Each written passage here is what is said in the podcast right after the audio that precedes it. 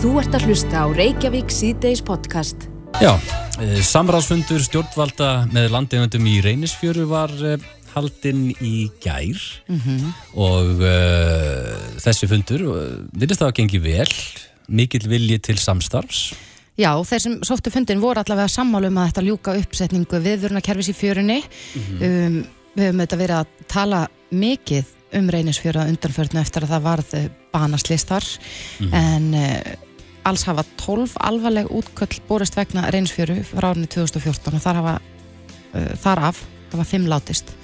Já, við höfum fengið hérna örgisfræðing til að ræða málinn og, og yfir höfuð er bara verið að kalla eftir einhverjum aðgjörum. Já, en svo eh, síðar í dag ja, í dag, ekkert síðar bara eftir, eftir að, að tala var um fundinin á vefmiðlum að þá var viðtal við einn landeganda já, sem segir að það sér það hver maður að við landegandur erum ekki að fara að greiða ár eigin vasa. Það er spurning hver á að borga brúsan við, við þessar aðgerðir.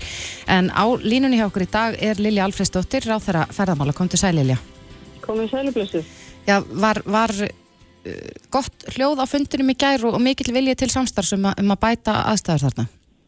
Já, ég vil fyrst segja það að hefur verið gripið til ákveðna rástafana í gegnum síðastlegin ára, það er bara duð ekki til og þegar við sjáum að, að svo er komið að þá verður fólk að huga, herðu við þurfum að huga því og við þurfum að gera betur. Og eitt af því sem við erum að fara að klára það er viðvörunar e, kerfið uppsetning þess og kom fram í ykkar ingangsorðum og svo e, viljum við líka nota bæði í ríkari mæli spákjarð um svæði þegar það stefnir í að það séu mjög mjög bæði vindasamt og, og, og mikið, mikið brím að þá sé, séu skilabóðið þetta send til ferðarþjónustu aðila um að þetta séu, þetta þetta hætta á ferð og, og, okkar ágætu gestir sem heimsækja Ísland að þeir séu að fulli meðvitaður um þessa hættu. Og ég sagði það auðvitað líka á fundinum að, að það er auðvitað algjör svona e, neyðar ástöðun að fara að loka tímabundir en, en við eigum þetta verkfæri líka í, í hérna, verkfærakistun okkar. Og ég gæti ekki betur heilt en að allir sem sóttu fundina að við varum staðráðin í því að vinna þetta saman.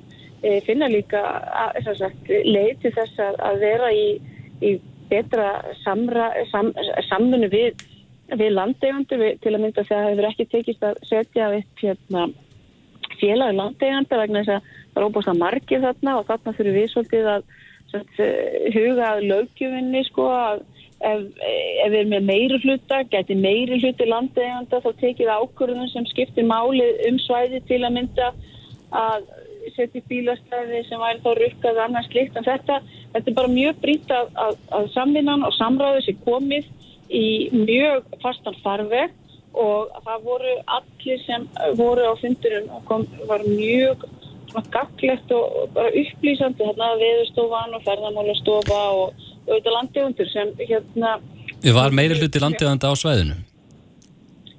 já, mér, mér síndist það en það, ég get ekki fullist það Nei, en Lilja, nú, nú talar þú um sko viðvöruna kerfi, það hafa allskynns hugmyndir uh, skotið upp kollinum undanfarnar vikur.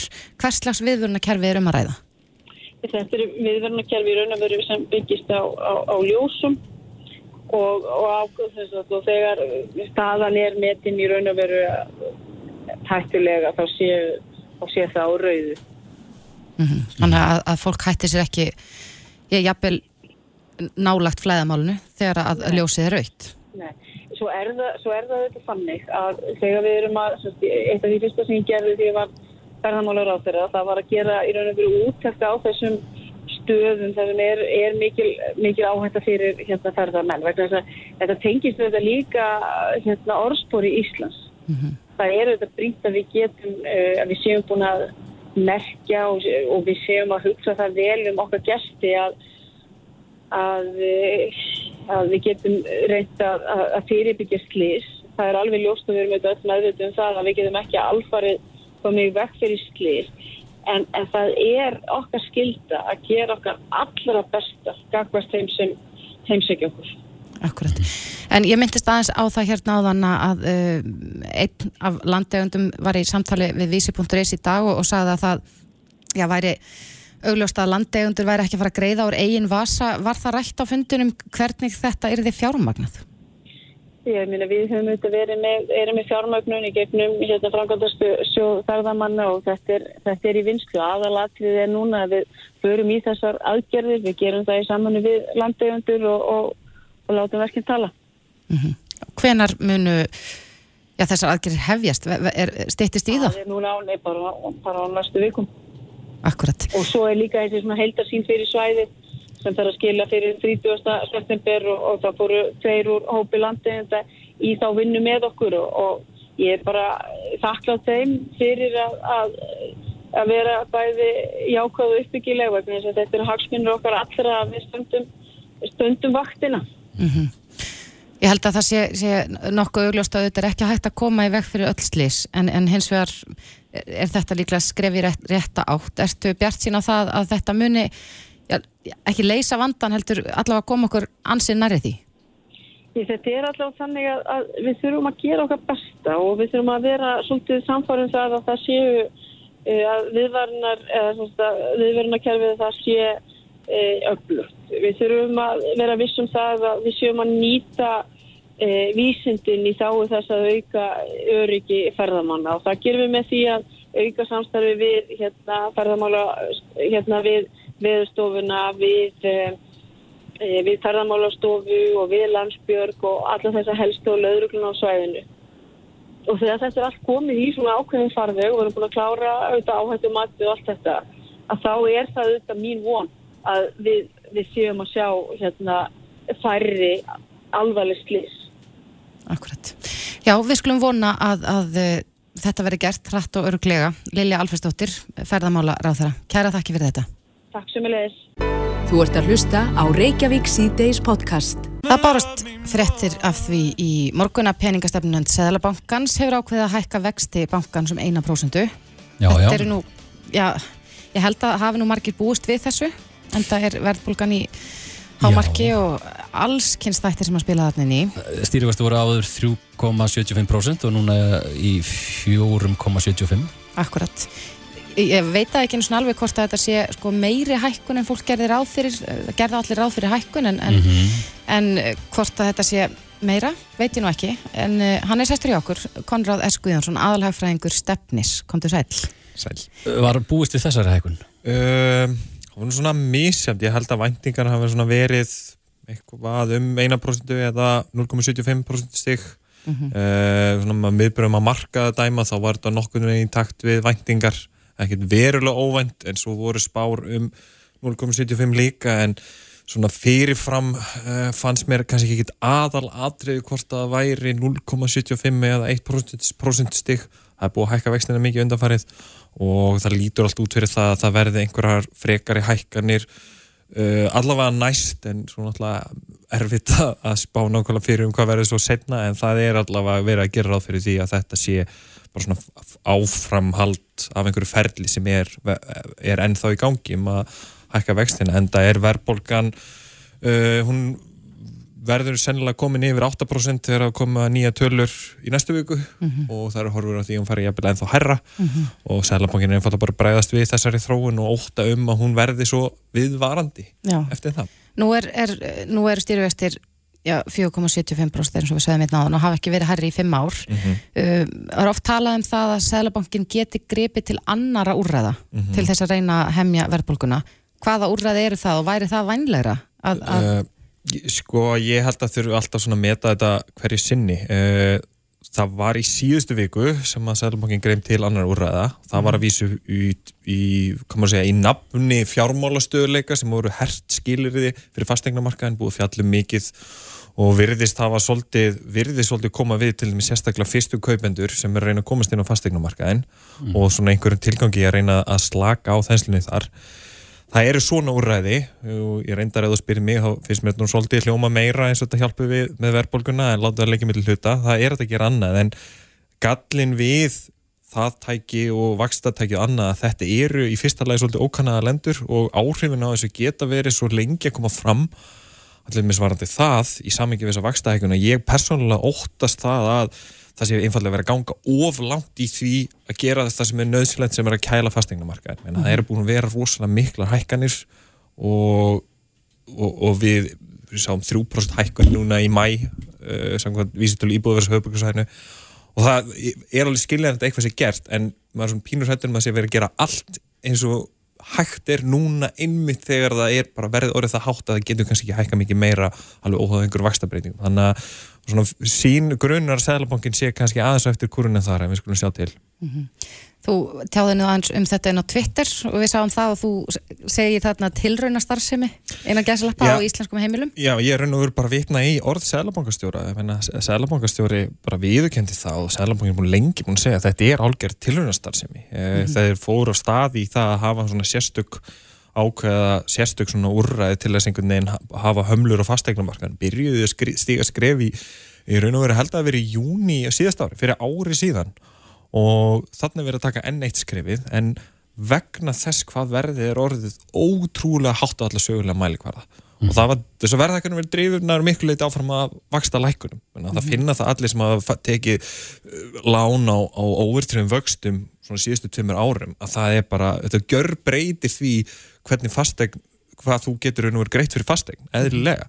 Núna eru vextinu orðinni herra heldur en voru áður en verðið er ennþá alveg jafn hátt í hlutu við tekjur og leigu og aðra mælikvara mm -hmm. þannig að þess vegna sem maður óttast að það sé mögulega verið að ganga á land og menna á heimsvísu er bara víð að vera að tala um það að á fastingamörkum sé hægt á því að það verði stöðnun að jafnvel verða lækki og svona þetta sé að, vaksta hækkanir sem við sjáum allan heim að Ísland er ekkert sérstætt í því að vera hækka vexti mm -hmm. að, að þetta muni hafa einhver áhrif á fastegna markaði uh, og, og, og kæla eftirspurna þannig að það er þess vegna sem mann finnst pínu skrítið að einmitt þá komi svona úrræði sem er alveg bersýnilega frekar íþingjandi fyrir fastegna kaupendur. Mm -hmm. en, en hefur það gerst í söguna að fastegna verður hennilega lækki?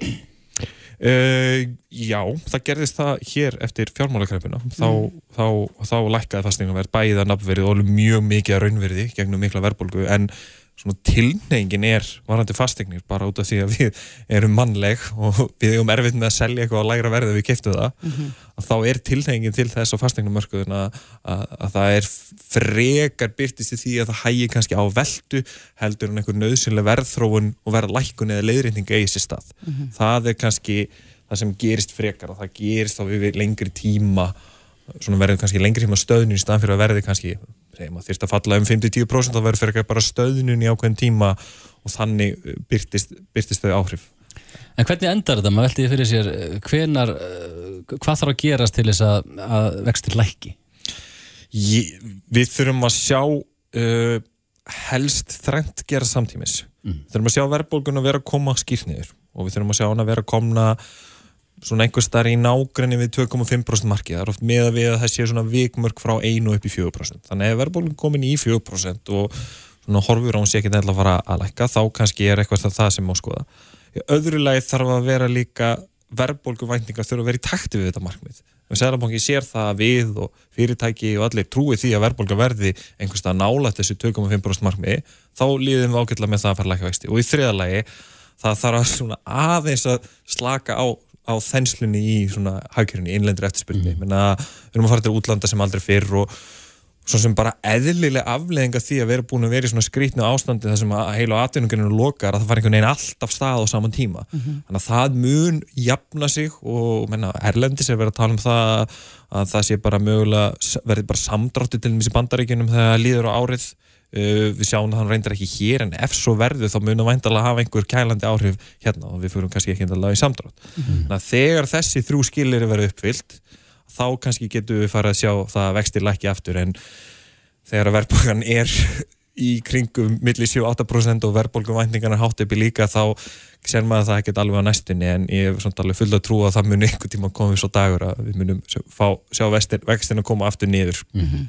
En við þetta vitum að þetta hefur gríðarlega áhrif á heimilin í landinu mm -hmm. og uh, Ásker Jónsson saði þetta að hann, hann telji heimilin standa ágætla til að ráða við hækkunna en, en nú erum við líka að sjá já, hækkun á öllum vikstöðum mm -hmm. að segja bara eldsneitisverð, matarverð og, og hvað eina. Mm -hmm. Erstu sammála honum í að, að heimilin séu ágætla stödd til þess að ráða við slíka hækkun? Sko, ég held að séu svona almennt séð ágætla stödd. ég held að það með alveg segja það til að takast á við þessa hækkun já, sem flest heimili eru það eflaust en svona uh, ég, ég er því hissa ef það eru öll heimili vel í stakkbúin þetta er það gríðarlega mikil hækkun, sérstaklega þá sem eru búin að vera á breytilum overtrum vöxtum, voru kannski að tegja sér langt til að komast inn á fastækningamarkaðin eða stakka við sig eða bara aðstæði fólk sem eru mísjöfnar og það breytast að þetta mun eflust hafa töluvert svona erfið áhrif fyrir marga, en hversu marga nákvæmlega maður hefur nú verið ekki tölur eða fórsendu til að vita það. En þetta ár erum við að sjá, þú talar um það að nú, það er í næstu viku fáum við að sjá Já, við nýjar, fáum, fáum nýjar verðbólgutölur í næstu viku. Og það eru svona spátnar er að gera ráð fyrir því að þetta verði einhverstað milli 8 og 9% uh, svona, já, einhverstað þar á milli. Og fari hækkandi eftir, Já, eftir það það, er nú líka. flestir að gera ráð fyrir þessi spátnar lítið út núna að hún munur toppa svona í júli ágúst og ég held að það sé ekki ósenlega suðismynd og svona maður endi aðeins á jákvæða nótunum. Einn ástæðan fyrir þessum miklu spá núna og toppi í júli er hækkun elsneitisverð uh, við höfum verið að sjá það bara núna mjög bara í dag og í gær lækkun og elsneitisverði á heimsmarkaði. Það mun til dæmis hafa áhrif hér og eins og ég er að tala með að texta kæla fastingnamarkaðin að þá held ég að við gætum alveg séð verðbólguna að byrja að sjatna þegar að, að hérna, hérna daginn tekur að, að stýtta aftur svona þegar fyrir líða sumari að hérna við kannski sjáum eitthvað í land þá en það er margi sagt þetta síðustu mánuði þannig að við skulum bara býða að sjá. Já, við erum ekki búin að ná topnum en nálgum stoppin, eða ekki? vonandi. Ég vona það innilega og við Já. vonum það eflust öll en Konraður Guðjónsson, aðalhagfræðingu stefnis. Kæra þakki fyrir komuna Þetta er Reykjavík C-Days podcast. Það er nú ekki mikið um það í dag að maður heyri ljóðalestur uh, já, til dæmis bara eins og á Spotify. Það er nú eitthvað sem að, okkar kynslaður svolítið mikið að nota.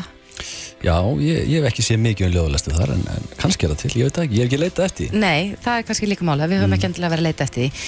En uh, já, nú ætlar einn, uh, ég myndi segja bara ein, ein þekktasta rödd okkar Íslendinga að reyna að láta draum sinn rætast og gefa út uh, vínilplötu með ljóðalestri með sínum eftirlætisljóðum og þetta er hann Arnar Jónsson, leikari sem er sestur hjá okkur. Sæll. Góðið sæl. Já, segð okkur aðeins frá þessu, þetta hefur verið draumur þinn lengi að gefa út slíka vínilplötu. Já, það má kannski segja að þessi draumar hafi bara kviknað sko bara fyrir löngu. Uh, því að um, ég naut þessu sín tíma að hlusta á og það var til plata með Lársi Pálssoni nú með Davíð Stefánssoni skáldi uh, Viljón frá Skáholti Þorstein frá Hamri, Vilborgu og fleiri og fleirum. Mm. og fyrir utan að, að svo voru hlustaði á mennisórið Börton Dylan Thomas og fleiri. Og um, þetta lúrði kannski alltaf einhver staðar og svo svona uh, þegar ég fór að meira að, að sinna ljóðum, ég hef alltaf verið mikið ljóðakall sko, alveg frá bara byrjun. Ég man eiginlega ekki hvenar ég byrjaði að, að, að lesa ljóð og fara með ljóð og, og um, að uh, ég hef yfirlega farið með ljóð í unnum mikið með tónlistarfólki þar sem þurfti ljóðalestur eða við jarðafarir og svo framvegis og framvegis. Og fyrir utan að á sínum tíma þegar að enn var, var dagskrárgerð í, í útvarpi þá var ég með ljóðadagskrár þar. Síðan hefur maður náttúrulega alltaf komið inn í það hús. Og hérna sem er synd í rauninni að, að það skulle ekki vera meiri dagskrárgerð þar. En uh, og hægt og hægt þá svona þá svona, já, mótaðist þessu hugmynd meir og meir að það væri nú alltaf gaman að gefa út plötu. Ég hugsaði að kannski ekki vínil strax en síðan, akkur ekki? Akkur ekki gefa út bara vínilplötu það dekra sjálfan sér bara alveg í botn. Já, já, já. og það er það sem ég er að reyna að gera núna. Það er komið á Karlunafönd og, og hérna og reyna að sapna fyrir þessu og, og vonandi ég verð áttræður næsta ári. Wow. og það er bara þetta er svona já, þetta er bara bara ágætis, ég er bara að gefa sjálfur mér að melskjöf Og þú ert að lesa ljóðin? Ég les með þinni fallegu já, rödd. já, Já, já, og, það er vantarlega tækni að lesa ljóð, eða ekki? Jú, það er kannski kannski er það hann kannski einhver viss tækni en fyrst og fremst kannski að lifa ljóðið þetta alltaf það er að segja að ef að ljóðið hefur lifað verið með þér lengi Já. þá gerist eitthvað. Þetta er eins og bara hverjum meðganga. Já, þetta er ekki eins og þú er ert að bara lesa ljóðið í fyrsta sinn og getur skilaði Nei, almennilega frá því, þú er að ekki þekkja. þannig. ljóði er ekki þannig, Nei, Nei, nei. aldrei. Akkurat. En, en það, það, það, og þetta, þetta er skemmtilegt vegna þess að nú eru þetta vínilplötur uh, í miklum uppgangi. Ná, þetta, já. það eru fáir að gefa út geisladiska í dag og svo sem mest, mest já, já. svona stafrænt en, en þetta er líka stafrænt vegna þess að þú ert að sapna á netinu. Já, það er það sem er. Já, þannig að þú þannig að þetta er, já, já. Nú, bara, nú verðum við bara að krossa fingur og sjá hvað ég, hvernig gengur sko. En eru það þá einhver svona, er þín uppáhaldsljóð flutt á, á þessum hvað? Já, þetta er, þetta er svona ljóð sem hafa verið með mér lengi og, og, og kannski önnur ekki eins lengi en, en, en mikið af þessu eru ljóð sem ha, hafa velst, velst hjá mér bara mjög lengi og, og, og mikið væntum. Já, já, já. En þú ert nú ekki einn í þessu verkefni þú, Nei, nei, nei, það þarf að sko, heyra fólki Já, og það er nú það og allt mitt fólk, kona, börn, uh, vinir, allir, allir stiðja og hjálpa og, og svo gerðist þetta að, að e, mér langaði að gera þetta meðan röddinn heldur, þá vil ég endilega koma þessu frá mér.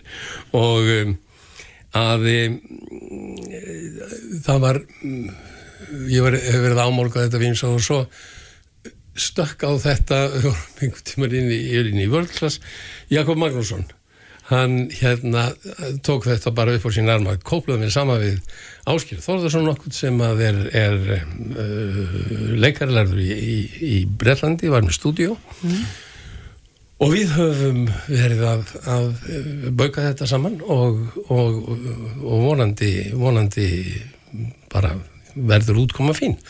En þar að auki eru, eru náttúrulega fleiri sem að, sem að þarna, þarna vela um. uh, og kalla þeirra borðinu eins og það þarf markaðismann, Þorvaldur Sverrisson er þar og, og svo er hljóðsnillingur Kjartan Kjartansson og, og uh, þessi ágjöld því ásker er kallast því Damon Alban þannig að Já, einmitt. hann, hann er, að- er að, að bauki þessu með mér. Já, Þetta eru svona þeir sem að er, en síðan sko e, er annað sem að, annað gæluverkefni. Nú, nú, nú, nú. Og það er heimasíða já, já. sem er langað til þess að komi út verði á koma næsta ári. Þar sem verður alls konar efni, barnaefni ekki síst. Já, vegna þess að það sem manni finnst vera eh, bara alvarlegt mál í dag er að það er ekki mikið til af mjög góðu, lesnu barnaefni. Nei. og þarna verður ljóð og sögur og guð veit hvað og uh, Benedikt Freyr er með mér í, í þessu og, og þetta er bara hugmyndi komið líka. Þetta er svona lítilátt gjöfum mín til þjóðarinnar á, á næsta ári að hafa bara opna síðu í heilt ár. Já, Í heilt ár, já, akkurat. Þannig að, að allir Já, geta ég- farið bara þannig inn og hlusta við Benni hefum nú bæði svona frekar lítil börn og, Já, og ég veit þá það alveg að, svæft þau. svæft Já, þú þau, getur þú getur get það fyrir hjálpað okkur Já, ég. Ég held að, að flestir fóreldra hafa hlustað aðeins og ofta á plötu hafdísar uh, huldar uh, vögguvísurnar. Já, til dæmis. dætur mín eru svona konar eiginlega bara með leiða því. Við hefum hlustað aðeins á mörg ár þannig að Já. þetta verður já, mjög góð viðbútt Er það ekki bara? Ég held það. Frábært. og mm, það er nú eins og ég segi það er bara, það er allt, í, allt mögulegt í, í gangi Já, en, en röddið þín, hún er, hún er maður fær minnum átt að geta að vera þeirna, uh, það er bara hannig. Uh, ég skal bara tala um svona, þetta er ekki svona hvernig hérna, er, er röddin að breytast, er hún að vera betri eða hvernig, Já, hvernig? nú er, nú er forveitnilegt að, að hlusta á einhverjar upptökur frá útfræfinu fyrir, þú veist, Já. 40-50 árum. Já, eitthvað þegar hún breyst. Já, en ég tek þetta því að ég var eitthvað að hlusta aðeins á sólega um daginn. Mhm, auðvitað hefur hún dýfkað eitthvað en hún hefur ekki breyst neitt mjög mikið, alls ekki Nei, mikið. nei. Nei, Nei, hún er, maður þekkir röddina bara hvar og hvena sem er. Já, þannig að, að, að fyrir okkur út í bæja þá hefur ég er náttúrulega bara ekki mjög breyst lánsamur mikið með það. Já. Það er með rödd og eiginlega allt annað í lífinu. Það er Ég er alveg sáttu við að ef mín diffkar bara með aldrei, það er bara töff. Það er bara töff, Já, já, eða ekki? Já, já. En Arnar, Já. eh, ég vil byggja þig að vera svo vætna að jafnvel að flytja eitt ljóð fyrir okkur. Það er ekki nema sjálfsagt, en mér langar að- aðeins að því að maður er nú að plugga hérna að, að, að, að segja eitt, að það er eitt í viðbót sem að gerist á næsta ári, með. nálast bara á amalistægin sem er 21. janúar og það er að það er hugmynd sem að, að hérna hann, e, þetta er, þetta er sagt, verður e, verk sem verður flutt í borgarleikursinu frumsýnd þá. Eftir Peter Nokkurn Weiss þetta er skrifað líklega 1964 eitthvað svo leiðis uh, og heitir Mara Sad. Og er um dauða Mara í baðinu. Þegar Charlotte Corday dreipur Mara og Döð Sad sem að sadisminni kendu við Mark Reifi hann skrifar þetta og hann er, og það er þeir sem leika það eru geðsjúklingar á hæli sem að leika þetta. Og hælistjórin, hann er svo framsýnda, hann vil ekki leggja fólk bara niður eins og var alltaf gert heldur, heldur hafa eitthvað skapandi. Og hann færi Dussad til að skrifa þetta verk um döðamara eða, eða það er það sem að Dussad gerir. Og uh, síðan leika sjúklingarnir verkið.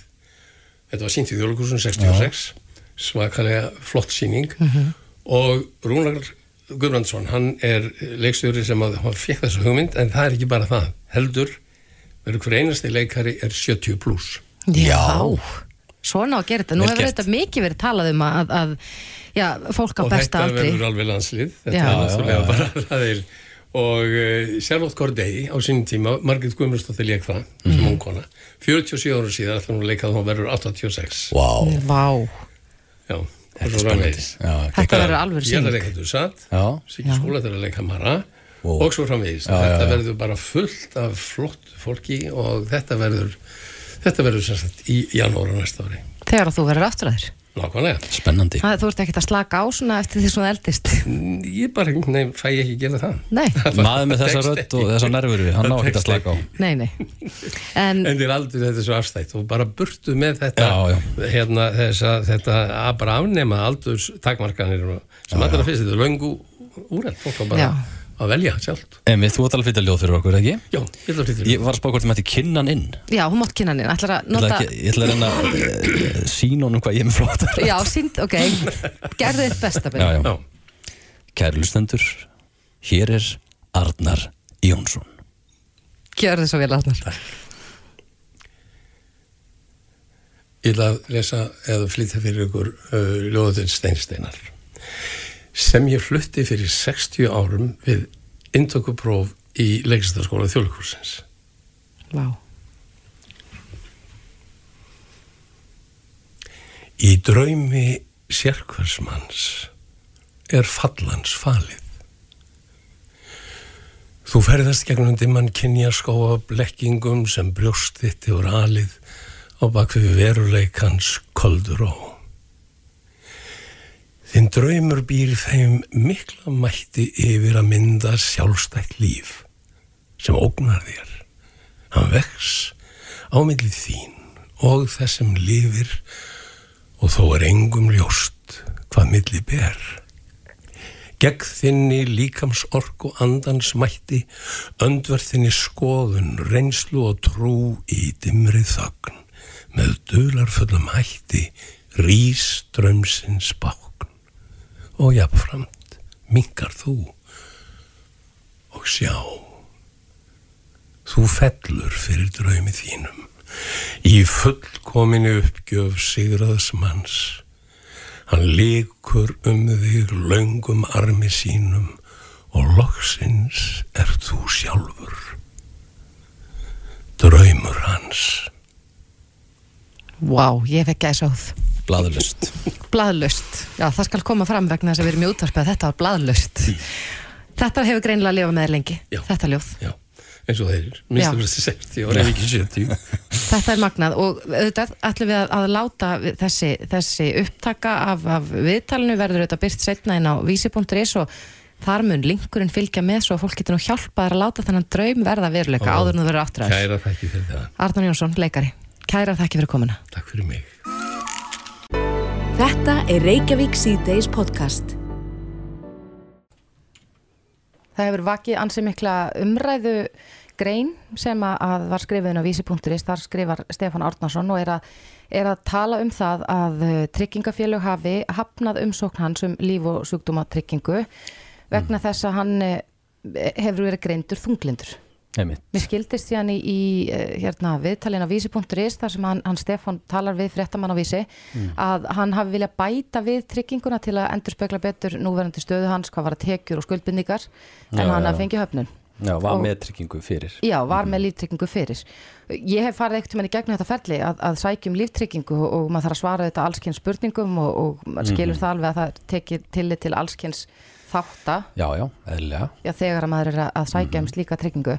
En þetta verður vakið upp, uh, já, kannski örlitla reyði, hef svona orðið, orðið þess áskinni á samfélagsmiðlum að, fólki finnst þetta eitthvað hálfárunlegt. En uh, til þess að- ræða þessi mál á almennum nótum er að það er komnar til okkar Sigrún Þorsteinsdóttir og Hrönn Stengrimsdóttir sérfræðingar frá Vís, komið sælar. Sælverði. Sæl. Já, þetta eins og ég segi, þessi grein sem að, að hann Stefán skrifar hefur vakið umtal um þessi mál og, og, og kannski er fólk ekkit endilega vel áttað á því hvaða þátt er litið til þegar að um er að ræða líf og sjúkdómatryggingar. Hvað er það helst sem að, að tryggingafélagin skoða? Sko, uh, líf- og sjúkdómatryggingar eru metnar út frá uh, reglum frá okkar endurtryggindum. Alla líf- og sjúkdómatryggingar eru endurtryggðar frá, frá endurtryggindafélagi Erlendis Mm og þeir setja okkur svona reglunar hvað, hvað við um að spurja. Þeir eiga í raun og veru umsókninar og, og, og reglunar þar að bakvið. Og það setja í raun og veru allir við sama borð. Það er alveg sama hvað sjúkdómur það eru. En nú er umræðin svolítið, snýst svolítið að, að, að sko, geðsjúkdómum og í raun og veru er, er uh, þarna í greinir sem þessi maður skrifar ákveði ákall til tryggingafélag að, að líta ekki á til dæmis þunglindi. Ég held nú að við hefum einhvers konar Evrópumett í notkun á þunglindislefjum þannig að það væri röglega margir sem myndi falla þarna undir uh, að, líta fram hjá þessum þáttum. Eru þeir sem sagt bundin af uh, ykkar endurtryggjandum? Já, við erum bundin af þeim og sko í raun og veru er það þannig að við sko geðisjúkdómar við metum þá alveg eins og alla aðra sjúkdóma. Þú veist, þeir eru ekkit settir í einhvern sérstaklega kategóriu eða, eða þannig. Þannig að við uh, Það eru alveg einstaklingar sem eru tryggðir hjá okkur sem eru með geðsútuma og alveg eins og það eru einstaklingar tryggðir hjá okkur sem eru með krabbamenn og þess áttar. Þannig að það er ekki þannig að leið og, og það er einhver geðsútumur hjá viðkomandi að þá eigi hann ekki möguleika á tryggingu. Það er náttúrulega bara alltaf í hvert og eitt skipti eins og í öllu að þá er hvert og eitt tilvík metið. Alveg eins og bara þegar það verður aukatækjatjón að hvert og eitt tilvík í, í aukatækjatjónum það er metið og, og fær sína úrlausn út frá því. En hver er línan svona í þessu, segjum sem svo að ég bara leiti mér sálfræði hjálpar og, og ég greindur með kvíða eða já bara þunglindi.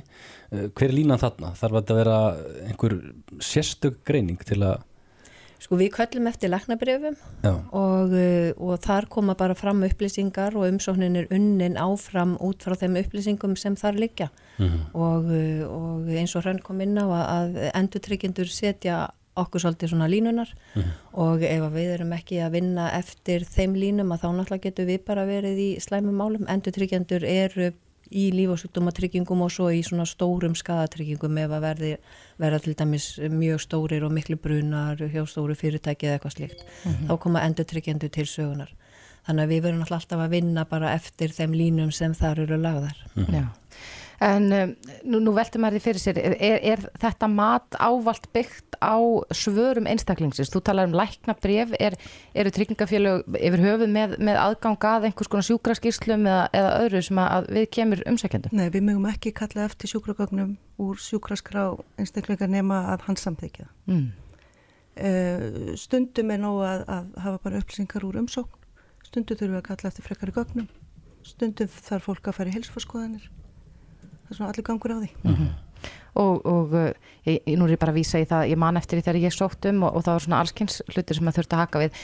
Breytir þetta mikið yðgjaldun hjá manni, sko ef maður til dæmis hakar í að maður sé reykingu manneskja eða eh, ykkur ákveðinni yfir þyngd eða eitthvað slíkt, hefur það mikil áhrif á hversu mikið þú greiðir í yðgjöld? Ég, til dæmis ef við tökum sér reykingar, þá hefur það áhrif á, á yðgjaldið. þannig að treystið mm svolítið á einstaklingarna sjálfa þegar þeir eru að fara í gegnum þetta ferli. Já, við treystum okkar viðskiptavinum. Algjörlega, alveg eins í, í þessum tryggingum eins og bara þegar það eru tjón tilkynnt okkar. Vi, við trúum og treystum því sem að viðskiptavinurinn segir. Akkurat, og, og tryggingar hafa er verið svolítið verið að færast kannski meira í átt að trösti. Ég hef þurft að tilkynna einhvers konar tjón að undarförn og þá er þetta nánast bara skilarinn skýslinu og svo bara fær maður greitt án, án nokkur á spurninga. Já, já, og það er þannig sem að við viljum vinna, við viljum geta treyst við viðskiptavinnunum okkar og, og eins og núna í þessu rafræðinu ferli að þá náttúrulega tilkynni fólk bara okkar tjóni til okkar uh, orðin bara mjög stór hluti á netinu.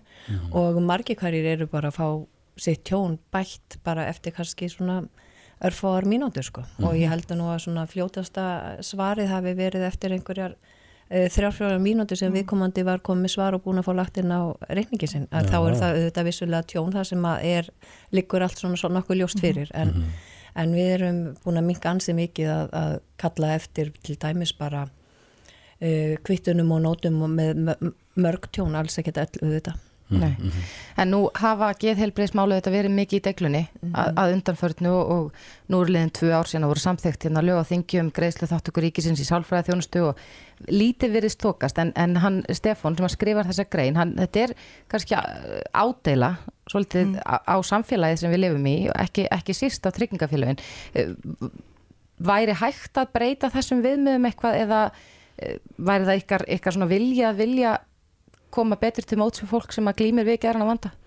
Algjörlega og, og það er til dæmis bara eitt af því við vorum að breyta líf og sjúkdóma tryggingunum fyrir nok nokkru misserum. Já, eða sjúkdómatryggingunni. Já, sjú- sjúkdómatryggingunni og það er einmitt bættu við inn uh, sálfræði aðstóð í þeirri tryggingu þannig að þegar þú ert að greinast með eitthvað nákvæðin sjúkdóm að þá áttu rétt á viðtölum hjá sálfræðingi í kjölfar þess að þú varst að greina með viðkomandi sjúkdóma því að það er svo ótrúlega vannmetið þessi andlega veljiðan okkar mm sem að, og við sjáum það bara til dæmis í fjölgun á, á því að fólk er að brenna út og svona í, í sinni lífi og, og tilveru að, að hérna að þetta er ótrúlega vannmetið og er, þetta er náttúrulega svo auðveld og fljótlega lausn að, að skrifa resept og útdeila pillum. Það er miklu, það er miklu lengri leið og, og hérna þá þarf einstaklingurinn miklu meira að hafa fyrir því að ef þú ætlar að fara í meðferð, sálfræði eða geðlækna hérna við tíma að það er miklu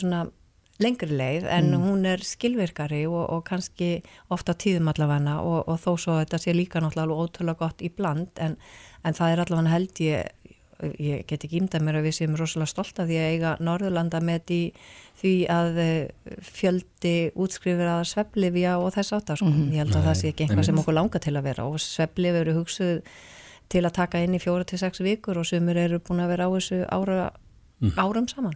Akkurat, þannig að þróun er frekar í þá átt að tryggingafélagin eru jafnvel að koma betur til móts við fólk sem að glýmir við uh, einhvers konar gerðan að vanda heldur en öfugt. a- algjörlega Við erum sko búin að stíga þannig skrefið með því að, að þeir sem fá greita bætu hjá okkur úr sjúkdómatryggingu úr þessum nýja skilmála þeir fá nokkra tíma án endurgjalds hjá sálfræðingi. Akkurat. Já, þetta skýrir þetta málaðins en uh, Sigrún Þorstinsdóttir og Hrönn Stengrisdóttir, sérfræðingar hjá Vís. Kæra þakki fyrir komuna. Takk fyrir okkur Takk fyrir. Reykjavík síðdeis á Bilginni podcast. Við fylgdust með fréttum í dag. Það var umsáturs ástand í Hafnafyrði eftir að maður á 70 aldri vopnaður hafði skotið á bíla, um, tvo bíla við miðvangi Hafnafyrði en uh, hann kom sjálfilegur út úr íbúð sinni skömmu fyrir hádegi og er nú í haldi lauruglu. Hún Lili Valgerður Pétursdóttir, fréttamara stöð 2, var á svæðinu í dag og fylgdist þarna með aðgerum lauruglu og hún er sest hjá okkur núna, kom til sæl. Sæl. Þetta hófst þarna upp úr 11 ekki satt Nei, þetta var sagt þannig að uh, lauruglan fekk tilkynningu klukkan 20 minnir í 8 í morgun. Já, já, Þá kemur fyrsta tilkynningu lauruglu. Við heyrum síðan af þessu, fáum afmenninga af þessu svona í kringum nýja og þá eru við farin á staðinn að fylgjast með. En þá í raun og veru, já, þá er þetta svona, er orðið mjög fjölmennt lauruglið lið á staðinum, það er sérsveitin, þannig að fylgja sjúkrabílar, lauruglumenn, það er margt í gangi, þannig að aðgerðin var mjög umfásmikil. Getur þú farið aðeins yfir atbyrðarásina fyrir okkur, fyrir þá sem að náðu ekki að fylgjast nægilega vel með í dag? Já, það sem að gerðist þarna er að uh, þarna klukkan cirka, eins og ég segja, áttunda tímanum, okkur skilst að útkallið hafi verið svona cirka 20 myndir í átta, þá er skotið á tvo bíla fyrir framann fjölbílshús á miðvangi. Þetta er mjög stórt hús, þetta var lengi vel stærsta blokkin í Hafnafjörði. Það eru áttahæðir, mjög margar íbúður og þarna beint á móti húsinu er leikskóli. Þannig að það greip náttúrulega strax svolítið mikill óttu um sig að því þarna er leikskóla beint á móti og fylgta íbúum í húsinu. En það verður sem að árásamæðurinn hafi verið í íbúðsynni á þriðju hæð í húsinu og hafi skotið þar af, sérst, af svölunum og hann skaut á tvo bíla og í öðrum bílunum voru feðgar. Það var pappi sem var á leiðinni með batninsett á leikskóla, sexar og svonsinn. Þá sakaði ekki og þá þykir bara mildi að það hafi gerst af því að ég sá bílinn sjálf og það hann eru sérst, það sjást för á bílinnum eftir skotvapn Og er vitað hvernig skotvapn? það er svona haldið að þetta hafi mögulega verið riffill sem hann notaður, lögurklan er að rannsaka þetta og skoða þetta. En það er svona talið á þessari stundu að það hafi verið riffill. Manni finnst þess að sé að færast í aukana að við sjáum um slíkar aðgeri lauruglu skotvopn koma til sögu í ríkara mæli um, þú talaðir við, við laurugluna í dag. Var þetta rætt? það var ekki þetta rætt, við sjáum svona mál koma alltaf upp af og til. Þar sem eru svona myndast umsátus ástand erfitt ástand og þetta eru rosalega erfið mál fyrir laurugluna því þetta eru aðstæðar þar sem þú vilt einhvern veginn að róa það og þetta fara ekki úr böndunum og og jafnvel einstaklingar sem eru svona ég kannski stundum í sumu tilfellum hafa þetta verið mál þar sem einstaklingar eiga við geðra vandamál að stríða og hérna við þekkjum það fyrir, það er svona það er bara áratöðu síðan sem var þessu árás í hrömbanum þar sem að maður hinnlega bara skauta laurugluna og hann mm -hmm. með því að hann ljast þannig að þetta eru, þetta er vand með farið þannig að lauruglan svona fetar fína línu og þarna voru 17 börn komin á leikskólan og því var strax sagt að fólkdra máttu ekki sækja börnin. Þau voru bara færð á svona örugt svæði inn á leikskólanum þú veist, hús og steini engi glukka nálægt og það þótti bara örugast að hafa þinna fyrir það gæti líka skapað hætti að fara að taka það út mm -hmm. þannig að maður getur bara ímyndið sér svona óttan hjá fólkdrarnu sem byðu eftir því að fá fregnir sko, að vita barninu sínu hérna í leikskóla í næsta húsi mm -hmm. þannig að þetta er alltaf flókimál en eins og segja, svona mál koma alltaf upp af og til og þau eru svona misjöp stundum hefur séð svona mál þá er einhver tengsl við á milli fólksins að sem þetta gerist en í þessu tilfelli verist að hafa bara verið tilvili neinn þessi pappi verist bara að hafa verið að fara með batninsett á leikskólan, það er engin tengsl á milli hans og árásumannsins hann býr ekki þarna í þessari götu þekkir hann ekki þannig að það er svona eins og segið, þetta verist bara að hafa verið einskjær tilvilin, að hann mm. varð fyrir þessu En hafa komið eitthvað frekara upplýsingar frá lauruglunu um árásamannin núna eftir að, eftir að, að hann gaf sér fram við lauruglu?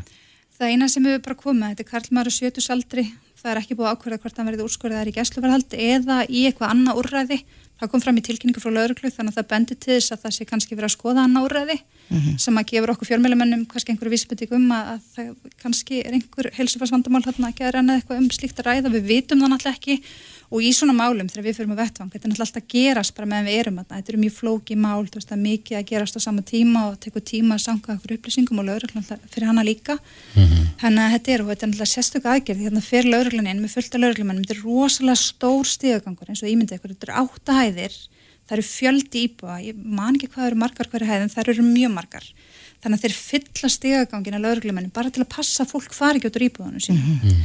þannig að þetta eru svona og það er alltaf verið að passa að tryggja öryggi þú veist og þetta er svona sérstaklega flóki og svo er verið að reyna bara að fá mannin til að þeir vilja náttúrulega ná honum heilum út. Mm -hmm. Akkurat Svæðið var gist, já þetta var stórt svæði. Já, þetta var mjög stórt svæði, mm. í raun og veru öll gatan eh, bara út fyrir blokkir í kring og hús og það var svona passað sérstaklega þessi svona þeir tölu um svo skotlínu. Einhverstaðar þar sem að hann hefði svona einhvern möguleika skjóta það að passa að vera enginn þar á ferli. Mm -hmm og bara, þetta, já, þetta var mjög stór svæði og hérna í næsta hósi var nett og það reyndar hínum með við, þú veist, búðum að loku þar það var svona öllu lokað svolítið af, mm -hmm. það var mjög svona umfás mikil aðgerð og þeir voru með dróna sem er notu til að reyna svona að ná betri svona yfirsýn og svona skoða húsið og aðstæður og mögulega reyna að sjá inn í íbúðina það voru líka róbotar, ég veit ekki hvort er svona að hafa nota á stundum til að reyna að opna hurðar eða komast mhm. inn, við vitum ekki hvað er voru að gera með hann, við sáum róbotar fyrir inn Við sáum líka lauruglumenn sem voru bara fyrir utan í skotstöðu með byssun og lofti tilbúinir þannig að mögulega voru þeir með einhverju sjónlínu við mannin eða eitthvað mm -hmm.